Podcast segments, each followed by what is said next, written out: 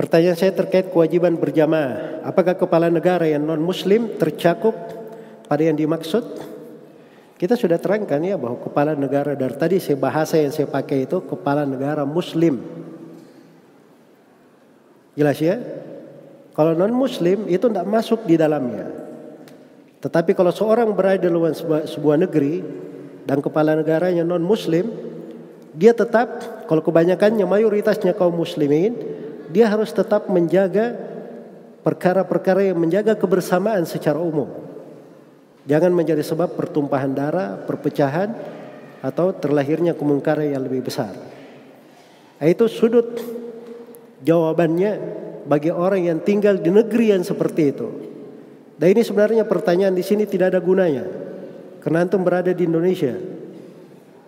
Ya, negeri mayoritas kaum muslimin, kepala negaranya muslim. Tidak usah tanya-tanya seperti ini. Jelas ya? Tidak bagus orang itu tanya pada hal yang tidak terjadi untuk dia. Tapi secara fikih, secara pembahasan ada pembahasannya. Ada pembahasannya. Baik. Dan ini terlanjur saya jawab ya, harusnya tidak perlu saya jawab.